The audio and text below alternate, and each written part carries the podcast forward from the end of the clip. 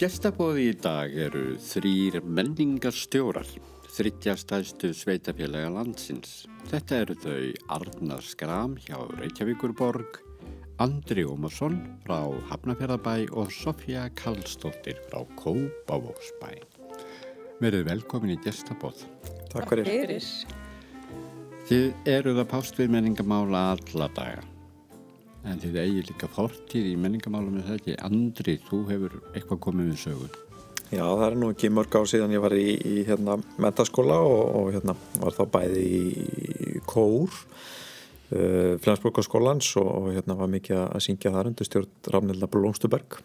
En svo tókaði leiklistinn meir í mig og, og hérna, ég lagði kórin á hilluna og leki í, í hérna, nokkrum síningum hann í rauð Við að leika Martin Skóamús í dýrunum í Hálsaskói leikstur Stefáns Jónssonar Var það ekki, þessi fræga síninga sem var svona ansi óvinnileg efnistök? Jó, það var öllu snúð á kvolf og hérna í staði þess að fagna Mikki Refi væri komin tilbaka í lokin að þá fagnuðu að Mikki Refi væri horfin eða, eða döð, jafnvel döður þannig að hérna, þetta var mikil og merkileg síning og, og hérna maður kannski átti að þessi ekkert mikið á, á því á þeim tíma að hérna maður var að snúa hérna uh, já, sennilega tólbund egnar við í gröðinni sko að hérna að snúa þessu svona við en, en þetta var hérna mjög, mjög skemmtilegu tími og, og hérna gaman að taka þátt í þessu.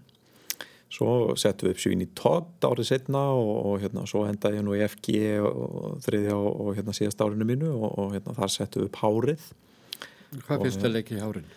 Ég fekk að leika ímislegt í hárinu. Það var nú hérna svona skemmtilegt að hérna, það var eiginlega ekkert ákveðið þegar við byrjuðum, Ari Matt var leikstjóri og, og hérna Selma Björns á um svona dansreiningar og annað og, og það var eiginlega ekkert ákveðið þegar við byrjuðum sko hvað hérna, ég myndi leika eða gera. En, en svo eða fannst svona auka hlutverk í handritinu að hérna og þá var því klint á mig og það endaði með að ég leik sennilega sjö hlutverk í, í síningunni sko og þurfti mjög reglulega skiptum búning í, í verkinu. Það ég var túristi og ég var hippi og ég var herfóringi og, og hérna svona ímis eh, auka hlutverkinu á milli sko. Og var þetta gott veganist í það sem þú ert að gera nú? Já, sennilega. Ég held að hérna, það er nú margi sem að horfa yfirleitt svona til mentaskóla árana í, í hérna, svona rauðgulum bjarma eitthvað neginn og, og hérna, og mér fannst þú að skemmta þetta allavega þegar uh, formaði leikfélags Flensbókaskólas kom til mín og ég þá orðin sko hérna, verkefnumstöru menningamála í Hafnarfyrði og, og hérna, þurfti allt í hennu að fara að hjálpa þeim að finna aðstöðu og, og, hérna, og styrkja á annað. Ég hafði sjálfur verið þessum spórum fyrir einhverjum ja, 20 árum síðan sko þannig að hérna, svona einhvern veginn gengur líðustundum í ringi Arna, þú, þú varst líka svakalega fortíð sem ég listamæður. Ég var rosalega fortíð. En satt fyrst að segja, þá reyfjast nú upp fyrir mér að ég hér, mjög snemma í barnaskóla var mikið að semja leikrit og leika sjálf. Fast að semja þín eigin leikrit? Já, já, við sömdum alls konar leikrit við vinkonundar sem voru þá í Vesturbæjaskóla við Öldugötu og ég man eftir því að uh, við sömdum leikrit sem hétt Sjónvarsdagsgráin, hvorki meirinni minna sem gekk út og það leika heila sjónvarsdagsgrá heilt kvöld. Ég held með þess að þetta hafi verið þeirri tíð þegar það var ekkit sjónvar frá 50 dögum, það er það langt síðan og við urðum svo frægar að fá að sína þetta leikrit á einhverju leiklistarháttíð sem ég mann og ekki hvað heitir en það var í Norrannahúsinu og tókst mjög vel og svo voru við bennar um að sína þetta í stundinu okkar þetta var tekið upp eitt haustið og það var rosalega skemmtilegu tími í útastúsinu, þar sem við leikum þess og ég man að ég leik þuli þu, já, þul, á mitt leið daskarliði því það var auðvitað mjög nöðslegu hluti af sjónastaskráni og svo leikum við eh, stjórnmála umræður sátum svona og leikum umræður í, í veitnúki, við hefum greinlega verið mjög pólitískar á þessum tíma, þessar stúlkur þannig okkur fannst mjög mikilvæg hluti daskarnar að hafa þessar pólitísku umræður og við fengum jakka, lánaða jakkafötin frá pöpum okkar og, og bindin og tókum þátt og leikum há alveglegar umræður en gerðum svona létt grína þessum stjórnmálumannum á þeim tíma. Geir Hallgrímsson held, held ég að hafa verið stóru hlutverki þarna hjá okkur. Uh, svo var ég kór hjá Röggu Gísla, yeah. ég man eftir því líka í barnaskóla og ég man reyndar ég var nú þráttur þetta uh, frekar feimin krakki og ég man að þegar ég fór í um, söngpröfu hjá henni Röku Gísla þá svona fannst mér það eitthvað greinlega erfitt og var feimin og hún sagði, æ, þú bara þarft ekki að syngja, þú mæti bara fyrstu æfinguna þannig komst ég inn í kórin hjá henni Um, En þú hefur haft söngrödd samt. ég hafði, já, ég hafði svona alltrött. Ég er svona kennst ekki hátt upp og ekki lágt niður, en ég var alltaf verið svona, hérna, þess að mikilvæga millirödd, haft þess að mikilvæga millirödd. Uh, ég gerði nú hlýja á þessum, uh, nei, það er nú ekki rétt, ég gerði ekki hlýja. Ég var í listansi líka, var í listanskóli, listanskóla, eða þjólikús, hérna, dansskóla þjólikúsins eins og það hétt á sín tíma, eða balletskóla þjólikúsins og var þar í nokkur ár og hafði nú drauma um að verða ballerína. Mm. Þannig til ég fór hún að stækka, það var nú þeim tíma þegar var aðal áherslan lögð á klassískan ballett og þurftum að vera táskóm og fylgera. Um, og það var nú ekki æskild að ballerínu væru mjög hávaksnar, en svo bara einhvern veginn fór ég að spretta mjög hátt var mjög hávaksin manneski og var mjög hávaksin manneski í dag. En ég hefði öruglega verið ágætt í nútímadansinu sem kom síðan setna var meira uh, áhersla lögða þann dans hjá lísnarsflokknum hjá dansflokki hérna í dansflokknum í borgarlaugsinu sem hann er núna stættur en ég hætti í, á unglingsárunum í dansi um, og þegar ég fór í mentaskóla þá fór ég að sjálfsögði herranótt og fannst það frábær tími og tók þátt í uppfærslu sem hétt húsið á hæðinni sem var samið af Sigurði Pálssoni og leggstýrt af Þóreldi Þólustóttur. Það var mjög skemmtilegu tími því að það verk var líka tekið upp í sjónvarpinu og sínt. Já, þú fer ekki á svið öðruvísi. Nei, nákvæmlega. Þannig að það er nú ákveðin vísbendingum að það sé eitthvað þannig gangi. Svo tók ég þátt í uppfærslu á Rómia Júliu en ég ákvað þá að verða aðstóðaleikstjóri í staðin fyrir að taka þátt í, í síningunni sjálfri og leika. Þannig að ég var svona meira baksis og það var Þórun Sigurðardóttir sem leikstýri. Þannig að maður kynntist öllum þessum flottu kanunum á þessum tíma og það var mjög mikið lærdómur og, og gaman að hafa kynst þessu flotta menningafólki. Uh, setna fór í svona stjórnunastöður eins og uh, satt í stjórn uh, Listanflokks Íslands ég held að þú hefði líka verið þeirri stjórn við það Í stjórn, já, íslenska, íslenska dansflokksins við vorum saman. Já, við vorum saman stjórn. Já. Og svo var ég formaður uh, Listanskóla Íslands setna meir.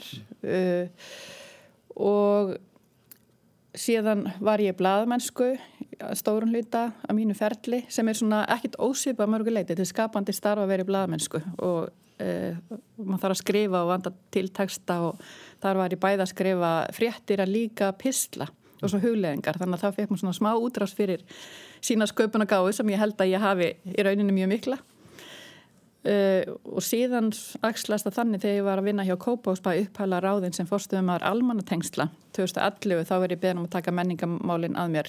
Og ég var að hluta til og ég er mjög þakklátt fyrir það heppin að hafa fengið það tækifæri vegna þess að það var á þeim tíma þegar ég var að vera að skera mjög mikið niður.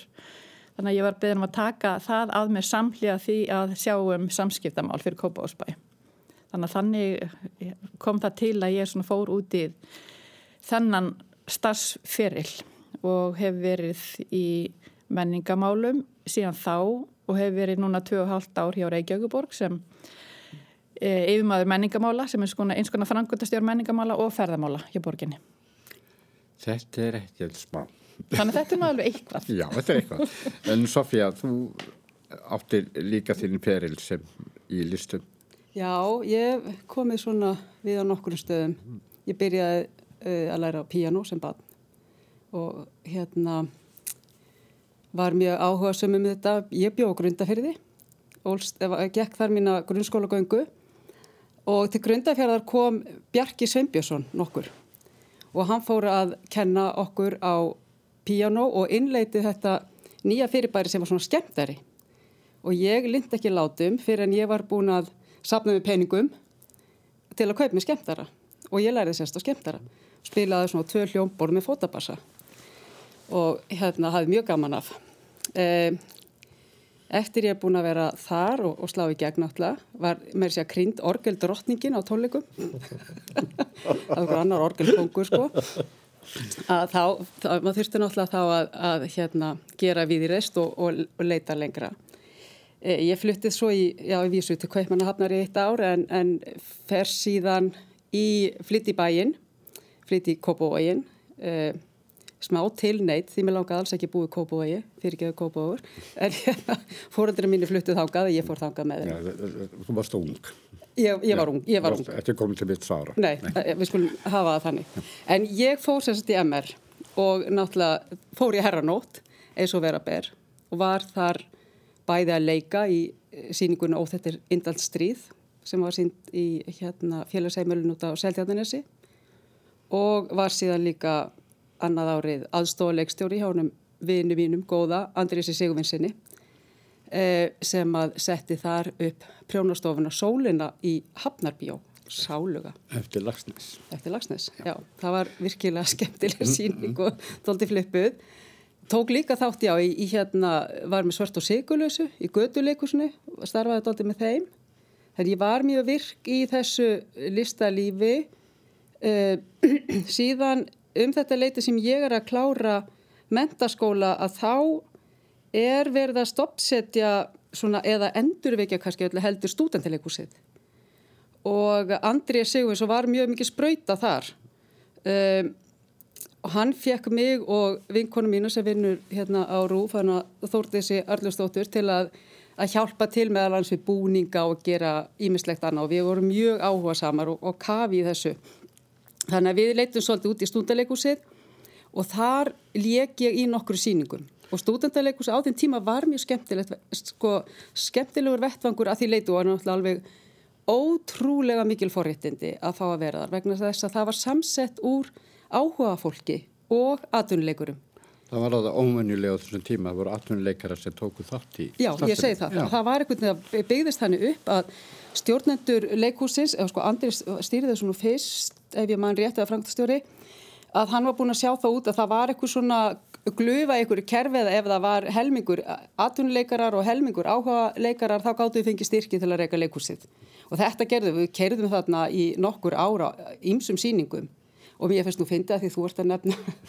það kemur allt tilbaka því Andri er að nefna hérna góðvinna mín að Steppa Jóns og Ara Matt sko sem að báðir voru alltaf með mér í herranótt og, og, og svo í stúdendileikursunu þannig að þetta fer allt saman í ringi En þar tók ég þátt í nokkru síningu eh, og á þessum tíma þá fer ég og eh, hérna fer í intökuprófi söngskólum í Reykjavík, fer þar inn og var þar, kláraði sérst söngnám þaðan eftir nokkur, á, eða sérst var, tók, það tók nokkur ár náttúrulega og, og lærði líka piano og svona.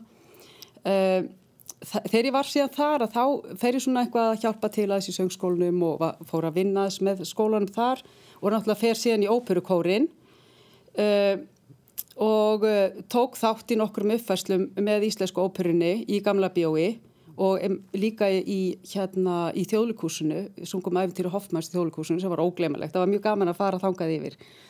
Og hérna þaðan sko, já, það tóku náttúrulega þátt líka einhverjum koncertuppfærslum í Háskóla bíói og svo fór ég, var ég beðin um að leta eitthvað undir í óperunni, það var eitthvað myndast eitthvað svona glufa þar þannig ég, áður en ég vissi af var ég farin að vinna þar, vann þar um nokkur ára skeið og þá var ég beðin í framönda því að fara inn í stjórn vinafélagsins, vinafélags Íslensk óperun og var þar síðan voru stjórnaformaður og, og var svo sett inn í, fór svo inn í stjórn Íslensk óperunar. Uh, var þar í einhver ár og er svo aftur komin stjórn íslensk óperuna nýlega. Endur tekur sig alltaf allt. En já, ég held að þetta er svona jú, svo er náttúrulega fór ég að vinna hjá Reykjavík menningaborg árið 2000 sem var mjög góð skóli, fór að vinna þar með Svanhildi Konradsdóttur leiðir okkar hafði áðurlegi saman í bladamennskunni og ég hafði unni mér sér hérna í millitíðin eitt ár hérna í ríkisútarpinu sá morgun þátt hérna í eitt ár á, á gamlu gufinni þannig ég eins og Arna hef, var svolítið í bladamennskunni líka vann hjá Fróða og stöð 2 í bladamennsku. Þannig að þetta er einmitt ég sammála því að svona, þetta skapandi element sko. Um, en eftir þarna menningaborgar árið þá er ég ráðin, eða samlega því þá er ég ráðin á til listasafs Reykjavíkur sem Markus og kynningastjóri. Þá var Hafnarhúsið að opna og það var rosalega spennandi dæmi, alveg glænýtt og ofsalega mikill áhugi fyrir því. Þar starfaði ég í 12 ár og var svo ráðin sem sviðstjóri menningar og samskiptasviðs hjá Seltjarnanisbæ. Ég bjó á Seltjarnanis í 25 ár, nýlega fluttaðan og það var virkilega gaman að vinna þar og, og gaman að koma menningamálunum þar. En uh, síðan sérst er ég ráðin 2017 til Kópásbær þar sem ég er núna fórstöðum að menningamál. Áður þetta lengra með því, sko þetta er að verða æsir spennandi tjefni. Það er ég ekki. Andri er yngstur. Já. En svo við setjum aðeins meira á voðaskáluna hans, þá, þá varst þú líka í talsetningum Já, Ég sko, mitt fyrsta launaða starf og bara, og maður svona rifjast upp þegar maður lappar hérna inn í, þetta hús að hérna, mitt fyrsta launaða starf var að, hérna, að talsetja já, svona batnaefni hérna á, á rú hérna talaði hérna inn á, inn á nokkra þætti og, og hérna Að það er alltaf svona notalegt að koma hingað inn sko. Þú varst barnað aldrei þá? Já, já, ég var verið 12 ára sennilega og, og hérna... Ekki komin í mútur þannig að fyrst að vera barnið? Nei, alls ekki, þannig að ég var bara með mína, mína barnaröð sko mm. og hérna mann alltaf eftir því fór hérna til Gjaldger að sækja launin og Sigur ekki Tómasson sem að mann alltaf þekkti röddina frá sko en það hefði sennilega aldrei séð framann í að þegar hann stóði liðin á mig sennilega sækja sín laun sko og þetta, þetta þótti manni sem barn alltaf rosa merkilegt að, að sjá framann í eitthvað sem hann var alltaf að heyri í útvarpinu sko. Mm þannig að hérna, þetta, þetta þótti svona freka merkilegt sko. Mér þykir þetta mjög merkilegt. Já. En þú komst með lag til að uh, flytja hér í þættinum. Mm. ég býð eftir að Sofía spilja og stemtara á eftir. Já, já. en þú ætlar ekki að flytja lag sjálfur Ég ætla ekki að flytja lag. sjálfur. Ég gæti mögulega að spila það á, á hérna, piano eða hljómborð, ég hérna, læriði sjálfur á, á hérna, orgel í, í hérna, Norðskóla Hafnafjörða en, en ég læta nú hérna svona spila aðeins í dag en, en við ætlum nú bara að fá hérna, upptöku af, af þessu lægi núna. Ég ákvaða að velja lag sem að hérna, ég svona heyrði á tónlingum í Bæabíu í fyrra. Hérna, í Hafnafyrði í Hafnafyrði, Bæabíu í Hafnafyrði við hérna Uh, þar er bara mjög blómlega starf í dag og alls konar hérna, skemmtilegi tónleika margótt í viku og, og hérna, svona þeir Það eru kannski svona nokkur tónleikar sem eru mjög eftirminnilegir í fyrra. Ég sá þarna leiksýningu sem að, hérna, heitið The Lonely Blue Boys til dæmis og, hérna, var algjörlega frábær. En, en svona þeir tónleikar sem eru mér eftirminnilegastir í fyrra er að hafa séð eh, Jakob Fríman endurflítja plötuna Hort í róðan. Ég hef aldrei hlusta á þessa plötu sjálfur en hérna, vissi að samt einhvern veginn að þetta væri svona eitthvað sem að mér hérna, langaði að fara að heyra og, og hérna, var algjörlega sko, uppnuminn á þessum tónleikum. Að hérna, heyra þarna flest lögin hafði ég aldrei heyrt á þur en fannstu algjörlega mögnuð í, í flutningi bara frá bara tónlistamanna og, og hvenna en, hérna, en ákvaða að velja þetta lag sem heitir Röndóta Mær uh, sem ég hafði nú oft heyrt á, á stuðmannatónleikum og ég held alltaf bara að vera í stuðmannalag sko, en, en greinlega þessari soloplötu Jakob Frímans og, og hérna og svona í aðdrata tónleikana þá hérna fjakk maður nú aðeins að heyra um hvað þetta lag er og eitthvað, ég er nú svo blöttur á baku eiruna, hafði aldrei velt því fyrir mér en, en þetta þetta er um, um hérna íslenska sjóara í, í hérna söðurænum höfnum sem að hérna fara þarna á, á kreik og, og það er Jakob Fríman og, og pappan sem, a, sem að syngja. Þannig að hérna, svo segið, þessi tónleikar voru, voru með mjög eftirminnilegir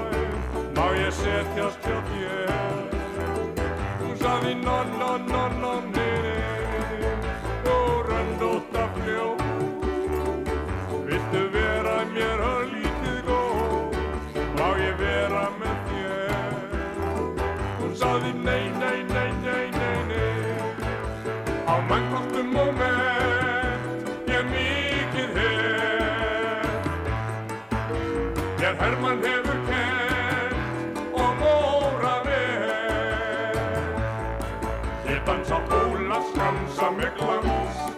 Ég spila fyrlu, dansa, langspilið á. Ég syngja kann og hvæði mann af öðrum önnum er. Ég dansa, bóla, skansa með glans.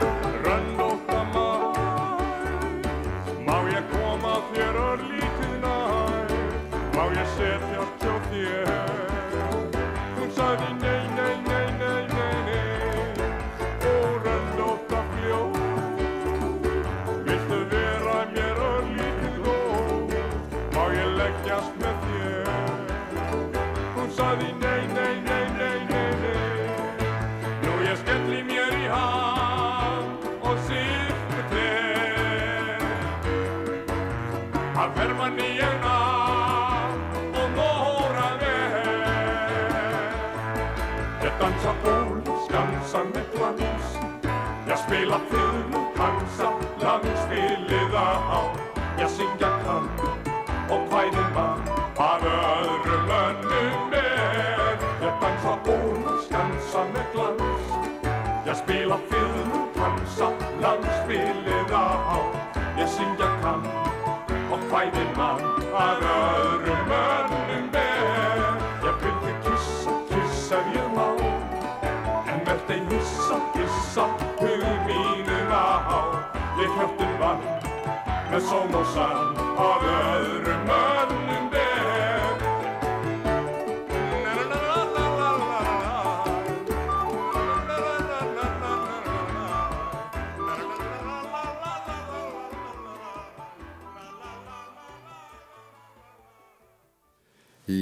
þetta var Jakob Fríman Magnússon og pappans, Röndótt og Mær.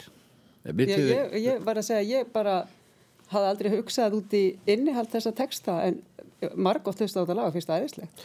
En það er þess að á tónleikunum var þetta útskýrt að hérna, röndótta mær þýðir á ennsku sko rendi girl og, og hérna sem að útlæð sem einhvers konar gleði kona og hérna þannig að já, maður kannski er ekkit, er ekkit dótt mikið að spá hvað hva liggur hérna baki sko. En það er einmitt, ég menna, sérstættu þessa tónleika að það var að hafa fengið sko útskýringu á öllum lögunum og samhengi lagan á plötunni og það er þessi Ívar sem er svona þetta gegnum gangandi og hann er sagt, að, að deyja og fyrir gegnum það að vera í limbói og, mm. og hérna yfir móðun og miklu og allt þetta þannig að, að hérna, það er svona mjög gaman að, pæli þessari blötu og eins og sé ég er búin að hlusta á hana margótt í dag eftir þessa tónleika sko aftur og aftur og aftur sko geta oft sko hérna bara hlusta á hana tvis og þreis verið röð Þegar þú segir þetta sko, þá hugsa maður, já, er þetta ekki bara efni í söngleik? Sennilega, jú Ég Og skil hérna- ekki í Jóni Jakobi. Já. Er hann ekki, já, svo komum við nú að, að fram að bæja að sveita félagunum og, og menningumálum, er hann ekki miðborgarstjóri? Hann er hættur hann hættur sem að vinna fyrir verslunareigandur í miðborginni. Hann er farin að vinna að hótel uppbyggingu engstar út á landi. Já, það hefur verið margt brallað í lífi Jakobs, nú fer hann öruglega og gerir söngleik eftir þennan þátt. Já. Já, það var alveg, Það var óskandi. já, það var óskandi. En ég tók eftir í Arna áðan þegar þú varst að segja frá leikritaskrifum þínum sem barn.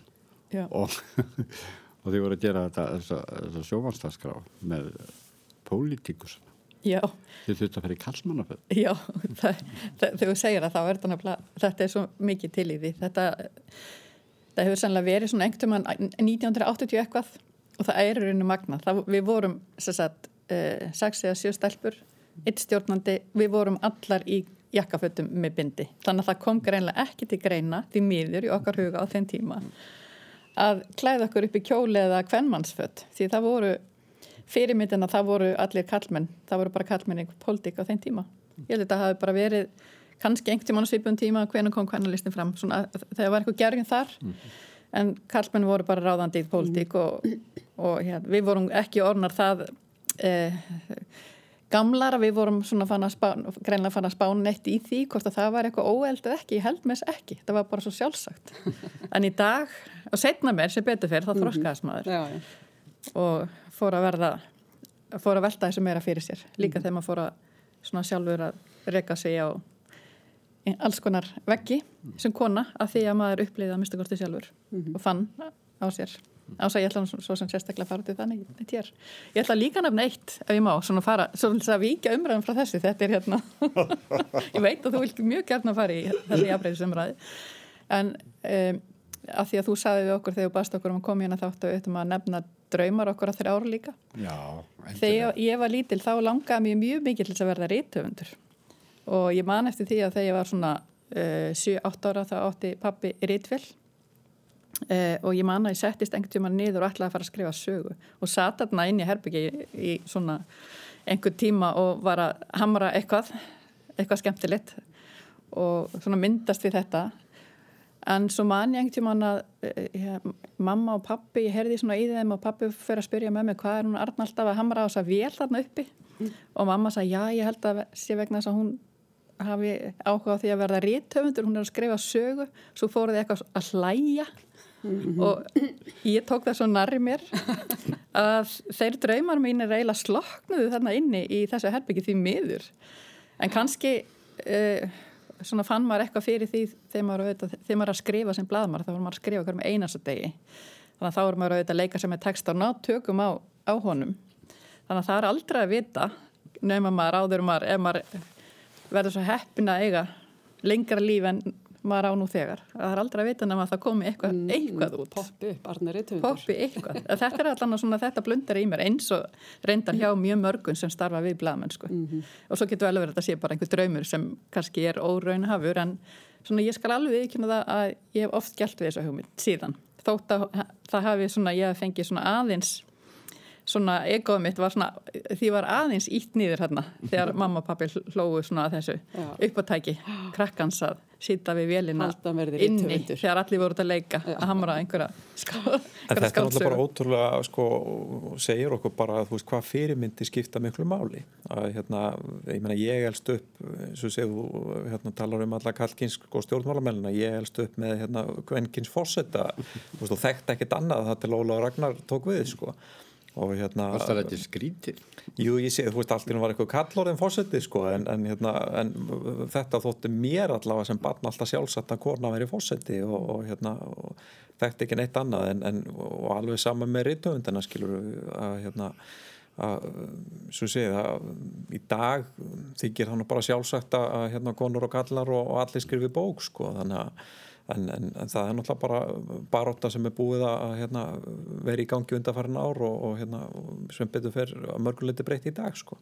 Já, eins og fjöruvelaninu sem við sóttum í vikunni og konan þín, Já, já, Andri, ég, hérna, hlaut verðlaun. allt, allt í lagi, já, ég, Ef ma- jú, jú, má nú ko- koma inn kona það. mín, hérna, Bergrún Íris, hérna, eins og sé, fjöru velunin sem eru bókmentavelun kvenna voru náttúrulega sett á til þess að breyta þessu til dæmis, að vekja aðtegli á bókmentum kvenna og, og hérna, íta undir það að það séu sínilegar og það séu keiftar og og, hérna, og, og bara veluna höfunda fyrir hérna, þeirra framlag og, þetta er náttúrulega hefur skipt greiðarlega miklu máli á, á þeim tíma og, hérna, og eru þetta mikil viðkenning í dag eins og segja við hérna, hjónin mættu mjög höfða í vikunni og, hérna og konan fekk hérna fjöruvelnu fyrir bókina Kennari sem hvarf og það er náttúrulega bara mikill heiður og, og hérna, virkilega skemmtilegt og, og alltaf gaman að fylgjast með því sem að hún er að, hérna, að skrifa og gera og, og hérna, myndskriti bókina sjálfa hana þannig að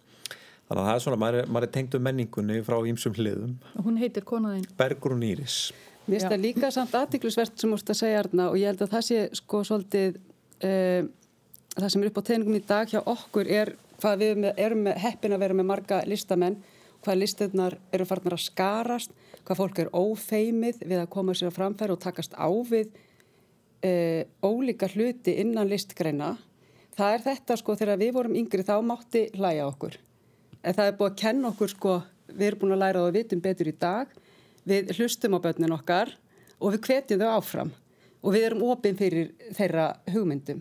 Og þetta skiptir rosalega miklu máli bara í því umhverju sem að við erum alveg upp í dag. Og ég, meni, ég merkið á mínum börnum sem eru svona frá 20 til 30 sko, hvað allt er miklu auðveldar og opnara, það er engar, engir veggir og það er engir hindranir sko. það er svona bara það sem hefur kannski meira þekst í uppeldinu.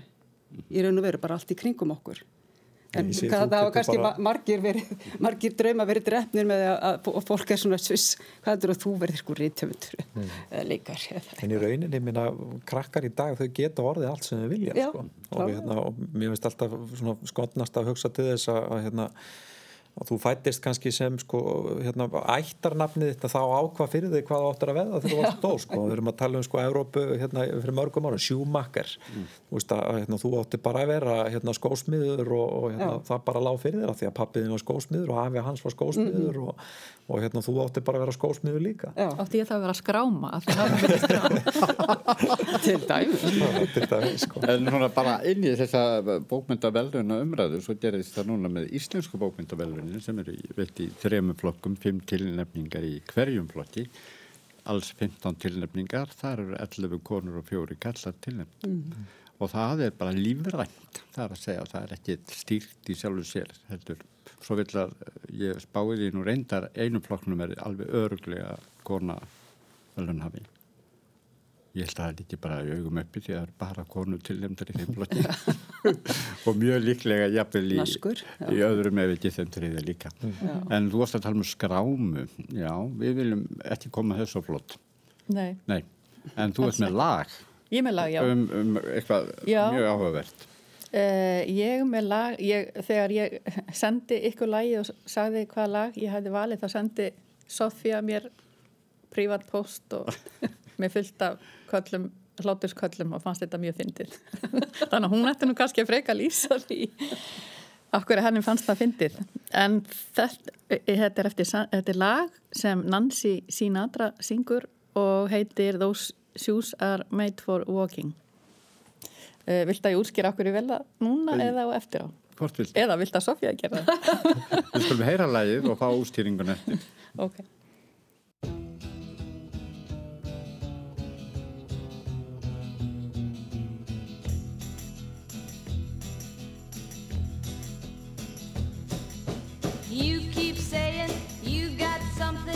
For me.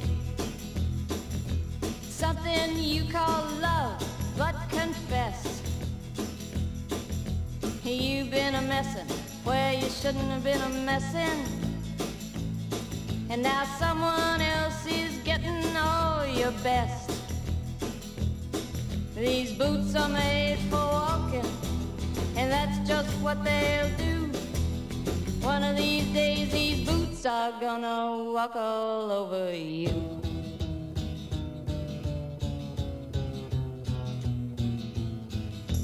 Yeah. You keep lying when you ought to be truthin'. And you keep losing when you ought to not bet. You keep saying when you ought to be a changing. Now what's right is right, but you ain't been right yet. These boots are made for walking, and that's just what they'll do. One of these days, these boots are gonna walk all over you.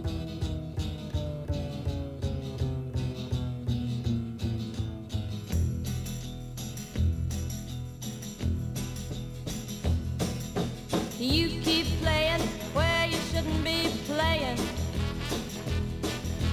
And you keep thinking that you'll never get burned. Ha! I just found me a brand new box of matches, yeah. And what he knows you ain't had time to learn. These boots are made for walking, and that's just what they'll do. One of these days, these boots are gonna walk all over you.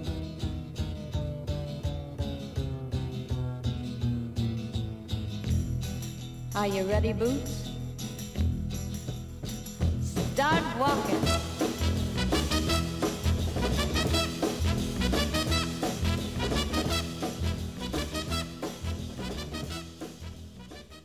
Jæja, hvor ykkar Sofía eða Arnar allar að stýra út þetta lag? Og þetta lag Ég get alveg tekið augljósu skýringuna. Sofía, sko, Arna er alltaf í svona boots, alveg geggjum stigvélum. Og hérna, ég, bara, bara þegar hún sæ, valdi þetta lag það bara, það, það, þetta, er bara hún, það, þetta þarf ekki skýringa við, þetta er Arna, Já. lifandi komin, hún hefur öruglega einhverja dýbri merkingu. Nei, ég hef nefnilega ekki dýpri merkjum þetta, þetta er bara það voru, e, e, það, ég fekk svona valkviða þegar þú sagðir okkur að velja eitt lag og búin að vera að hugsa um mjög mörg lög og svo datt þetta allt í önnu kolla já, auðvitað, þetta er bara eitt af svona mínu mínu auka áhuga málum að kaupa mér skó. Ég skal bara viðkjanna þann veikleika minn hér og nú. Það er mjög auðvelt einhvern veginn að lappinu skópuð og finna mjög flotta skó. Og ég menna það er til svo margir litir og margar gerðir og háir og lágir og, og Ég þeir var eru alveg allir bara viss um að þetta væri karaoke-lægið þitt. Ég var bara, já, ég nefnilega um, fer ekki oft í karaoke en það er einn aðil í vinninni hjá mér sem er mjög áhuga samar um karaoke þannig að ég hef farið svona nokkur sinni í karaoke núna síðustu, já, misseri. Og um, ég hef eins og reyndar sungið í karaoke. Hérna, og það var í Finnlandi. Og þá söng ég metalika lag sem var að spája að spila hér. Og finnarnir voru mjög ánæða með mig, ég fekk bara þvílik klapp á axirnar og bara var vinsalasta manninskjan svona í tíu sekundur á staðinum eftir að hafa sungið það.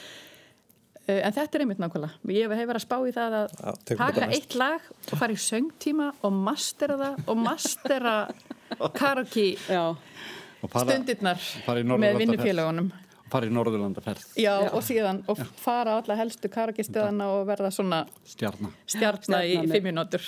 fullt af steifilum á sviðinu og allt Já, auðvitað í flottum skóm. skóm. Já. Eh, Andri, er þetta Röndótt og Mær, er það svona karaoke-lægi þitt? Sko ég gallin við íslensku lögin er að hérna, það er náttúrulega oft ekkert já, mikið úrval af þeim í svona karaokeböngum sko þannig að hérna, það er hérna gallin, ég sko sjálfur hlusta mjög mikið á íslenska tónlist og eiginlega svona aðalega þannig að hérna, maður lendur oft í vandræðum þegar maður á að hérna, velja sér lag í karaoke. Að að það er svona oft, oft smá vesinn með, með íslensku lögin, það hefur nú aðeins skánað en, en hérna, þau eru svona nokkur til í dag Mm. En annars er ég, það er langt síðan ég er sungið í karaoke síðast, það var sem Lívínaborg bara. Ef við ekki bara, hvernig var ef við færum bara í karaoke Við getum gert mjög það. Ég, sko, ég var ekki Þegar ég er búin að fara í söngtímanum Þegar þú er búin að fara í söngtímana. Og getur auðvitað unni keppnum. Já, nema hvað, sko, ég er náttúrulega búin að fara í mjög marga söngtímum æfina og var ekkert um að syngja í karaoke hjá frængu minni sem held upp á færtu samanlega sitt eða þrítu sem að það ekki, það þá. Og þar hún á margar góða vinkunum sem eru góða söngkonur. Og hérna ég náttúrulega held ég væri best og fór að syngja. Og það maður færi svona stig, maður sér hvort að maður er að syngja rétt þið vitið þegar maður er í þessu. Uh, og ég var alveg hörmuleg. Og þá komið það til með vinkunar hennar og sagði bara, þú veist, þú ert alltaf skýrmælt, þetta er bara ekki nóg gott. Þá var ég náttúrulega þess að maður lærir að taka auðan um orðin og enda með KS og alls konar. Það var ekki alveg að virka í karokínu, þannig að ég var bara freka mikill lúsir, en ég vil bara koma með þér í karokí söngtingama, Arna. Já, Já, við gerum þetta saman. þá verður þú betur en ég því að þú er búin að læra söng. Passaði, passaði. Nei, já, já, ég veit, nei, Lærður nei, ekki söng? Ertu Jú, ekki- ég lærði í söng, já, já. Þú þarfst ekki að fara í söng, söngtíma. Karokí söngtíma. Ég er að læra linmælgi. Þarna heyru við sko, þarna eru bæjarfélagin að keppa. Já, já. Takast á. Þið eru hérna svona að því að þið eru menningastjórar eða svona verkefnastjórar og menningastjórar og þetta í þessum þremur stærstu sveitafélagum sem litja bara hvert að öðru. Já, Er ekki svakalig samkeppni? brjálaður. Er ríkur? brjálaður rígur. Þið talist verið ekki saman. Nei, helst ekki. Þetta- Þetta þetta er þáttur í tímamót. Ég ekki- skil ekki hvernig þú tókst að fá okkur hérna allir í saman herbyggi. Það eru svona sögulega sættir sko. já. Nei, ég held að sko, eins og sé, all sveitafélagin er að gera rosalega flotta hluti í menningamálum og, og hérna og ég held að það skipti bara hvert sveitafélag miklu máli að, að hérna, það sé blómlegt menningarlífi í, í gangi. Og hérna ég held að það sé ólíkt á milli sveitafélagina það eru svona sé, við erum að gera uh, ég kannski ekki sikkur hlutina en, en við svona gerum það á mismunandi hátt. Og hérna en við, meina, við vinnum líka tölvöld saman Við gerum erum það, við fundum hérna, reglulega saman og berum saman bækur okkar og kynum starfsemina hvert fyrir öðru. og þessa dagana til dæmis að undirbúa vetraháttíð í, í byrjun februar Öll sveitafélagin Öll koma sveita- hérna á Suðvesturhorninu. Já, Og verður bara haldin hjá þér í Reykjavík. Verður bara haldin í Reykjavík? Nei, hún verður Nei, hún er haldin mjög öflug í öllum þessum sveitafélagum. öllum þessum sveita, Reykjavík og nágranna bara höfuborgarsvæðin öllu Höfuborgsvæðin, já. Og það Svo eru og náttúrulega er líka unnin í samstarfi. Já, og líka erum við með mjög stert apparat sem heitir hérna, undir merkjum í hérna, Reykjavík Lofs sem er samstagsverkefni í sveitafélag á höfuborgarsvæðinu sem er stýrt af höfuborgarstofu eða af eh, me- menningar hérna sviði Reykjavík borgar. Þar koma öll sveitafélagin að og það er raun og verið tengist bæðið ferðarþjónustinu og líka kemur það auðvitað inn á menningamálinu í leiðinni. Og hvað er verkefnið í þessum? Reykjavík Lofs er markasetningar átaka gort erlendum gestum Já. undir merkjum Reykjavíkur. Þar sem að vera að kynna þá þetta svæði gagvart erlendum gestum sem koma hingað til lands sem Reykjavík vegna Sem- þess að við leggjum það ekki á fólk Erlenda munna gesti. kópa úr hafna fyrir Já. Mosó og Seld Það voru erfitt að finna landamærin á milli Það þessar já, Ég, það er- ég er bara lendi í bandaræðum. Já, það er ekki fyrir alla að finna það, veitum ég. Þannig að ég er ekki einn um það.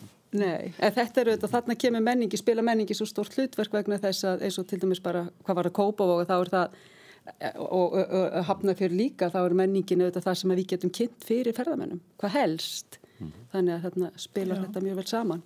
En þetta samráð líka, eða svona samtal sem þeir, þeir eru þá vantarlega að sjá til þess að þeir sýtti gera nákvæmlega sama hlutin á tveimur stöðum á þess að það hafi einhverja samleiðar áhrif. Eða kannski að styrkja hvort Og annað líka. styrta eitthvað annars Já. Mhm. og hins vegar á móti að ok, þú gerir þetta, þú gerir þetta og þá passar að ég gerir þetta á þessum tíma, þú gerir Mhm. þetta á þínum tíma og svo kemur Sofía og brúar okkur að því hún er kópavur. Já, ég Já, eða ég, ég var að vinna í og ég var í starfinu á Sofía áður en ég fór til Reykjavíkuborgar. Þá hugsaði ég starfi mitt þar sem menningar stjórnandi að, að menningin í Kópa ætti ekki að keppa við Reykjavíkuborg því að það er, Reykjavíkuborg er miklu starra sveitafélag og hefur þar með uh, meira svigrum til þess að gera starri og fleiri hluti og er með me- fleira undir, fleiri, meiri starfsemi, fleiri stofnanir og hátíður og fleira. Þannig að þá hugsaði ég þetta þannig að það sem var gert í Kópavegi væri, væri alls ekki keppið, það heldur myndi skapa sér svona eigin sérstöðu og stækka kökuna.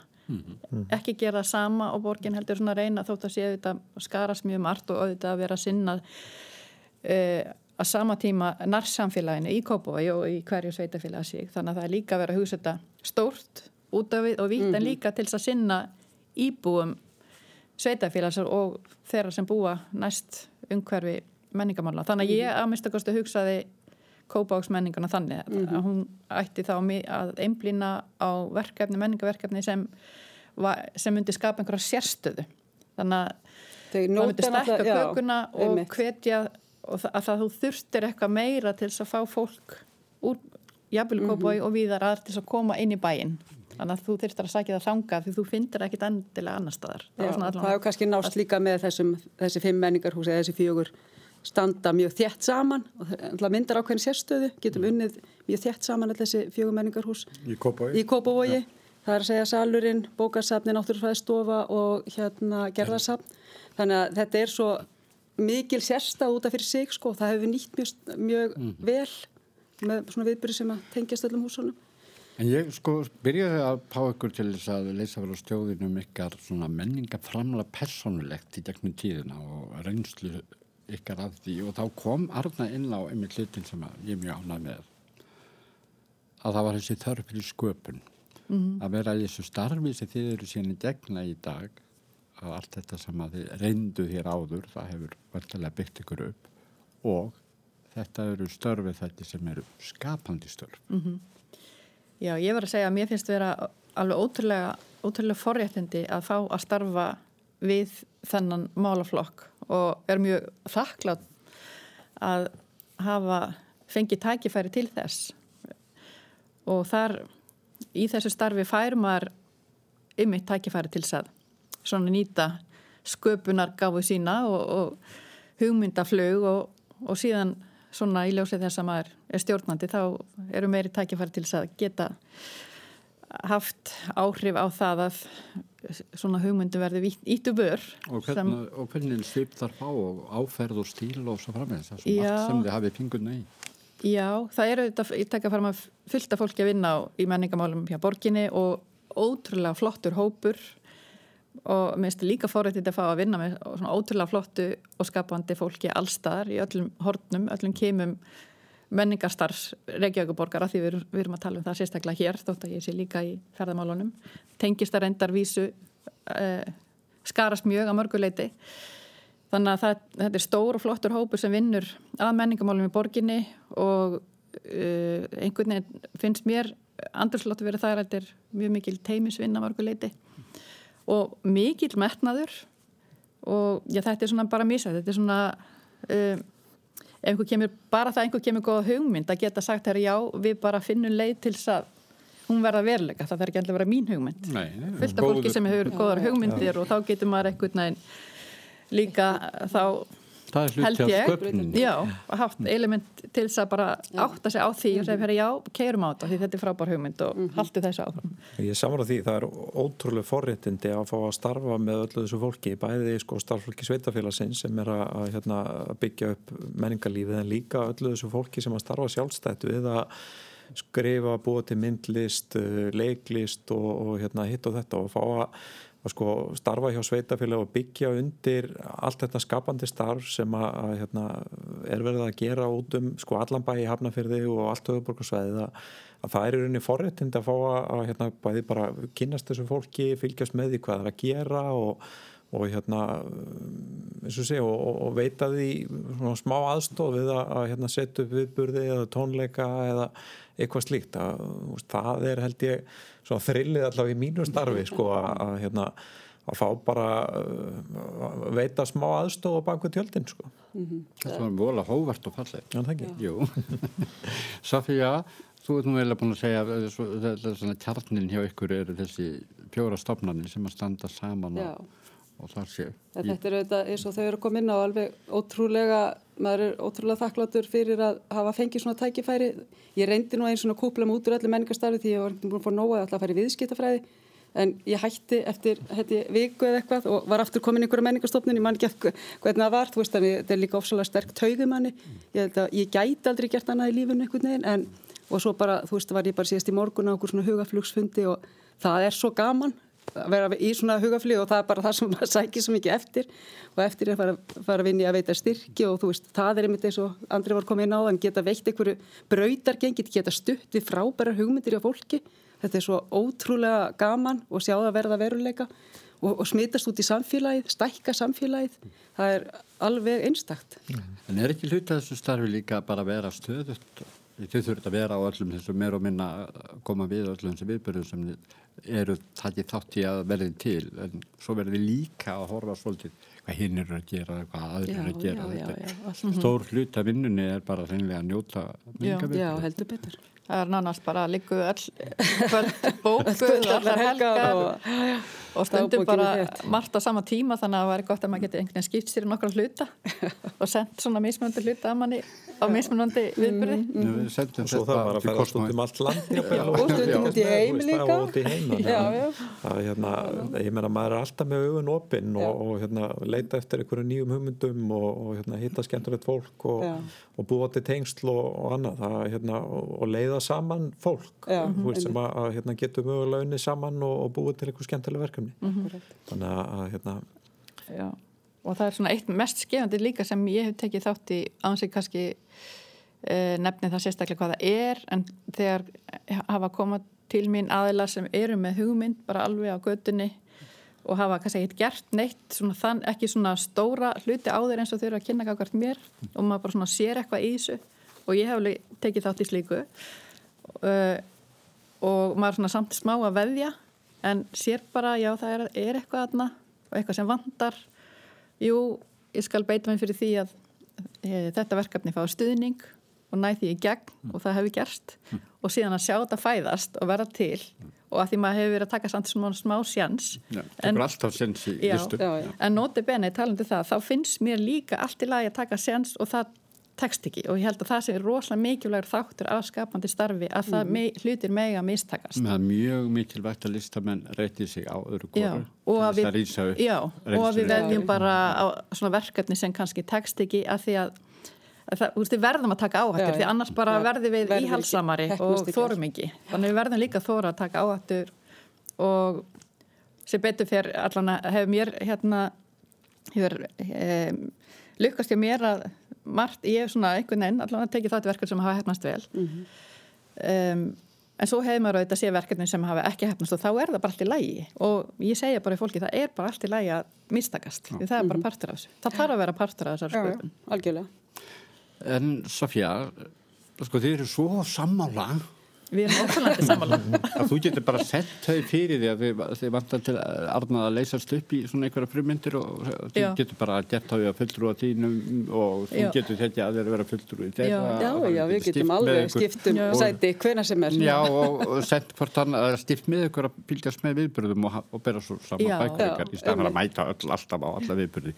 En þú átt eiginlega síðasta orðið, Sofía, því að þú ættar að kynna hérna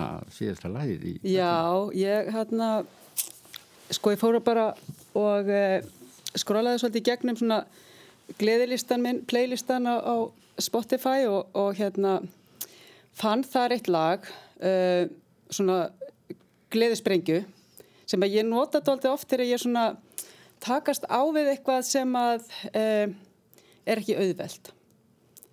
Bæði hvort sem það er svona einhver áskorinn sem að maður þarf svona þreja þorransholdið eða, eða líkamlega árensla. Ég fær talsveit svona erfiðar hjólaferðir út, á, út í heim og hérna og bara ímislegt svona, svona þregraunir og þá finnst mér gott að þá er svona eina mantra sem kemur svolítið svona upp í huga mér og er alltaf bara alveg bæði sko ekki bæði góð mantra heldur líka svona, svona rosalega gleðilega og peppandi og það er hérna eh, bara tekið úr hérna uh, Ain't No Mountain High Enough eftir, eh, sem að Marvin Gaye og Tammy Terrell syngja Þetta er sko, náttúrulega lægi, kannski fjallar ekki alveg um þetta, en sko hérna viðlægið er þetta uppbyggilega pepp. Þannig ég bara, ég ætlaði bara að deila þessu með hlustendum ef þið vantaði einhver svona, einhverja möndru í hérna þar að takast á eitthvað. Við leggjum út í daginn með þetta pepp í frá Sofíu en nú er gestabóðu dagsins lokið og gestir voru þau Arna Skram, menningamálum Reykjavíkuborgar og Andri Ómarsson í menningamálum Hafnafjörðabæjar og Sofja Kallstóttir í menningamálum Kópúsbæjar. Við förum út í kosmóstið með þetta pepp frá Sofju.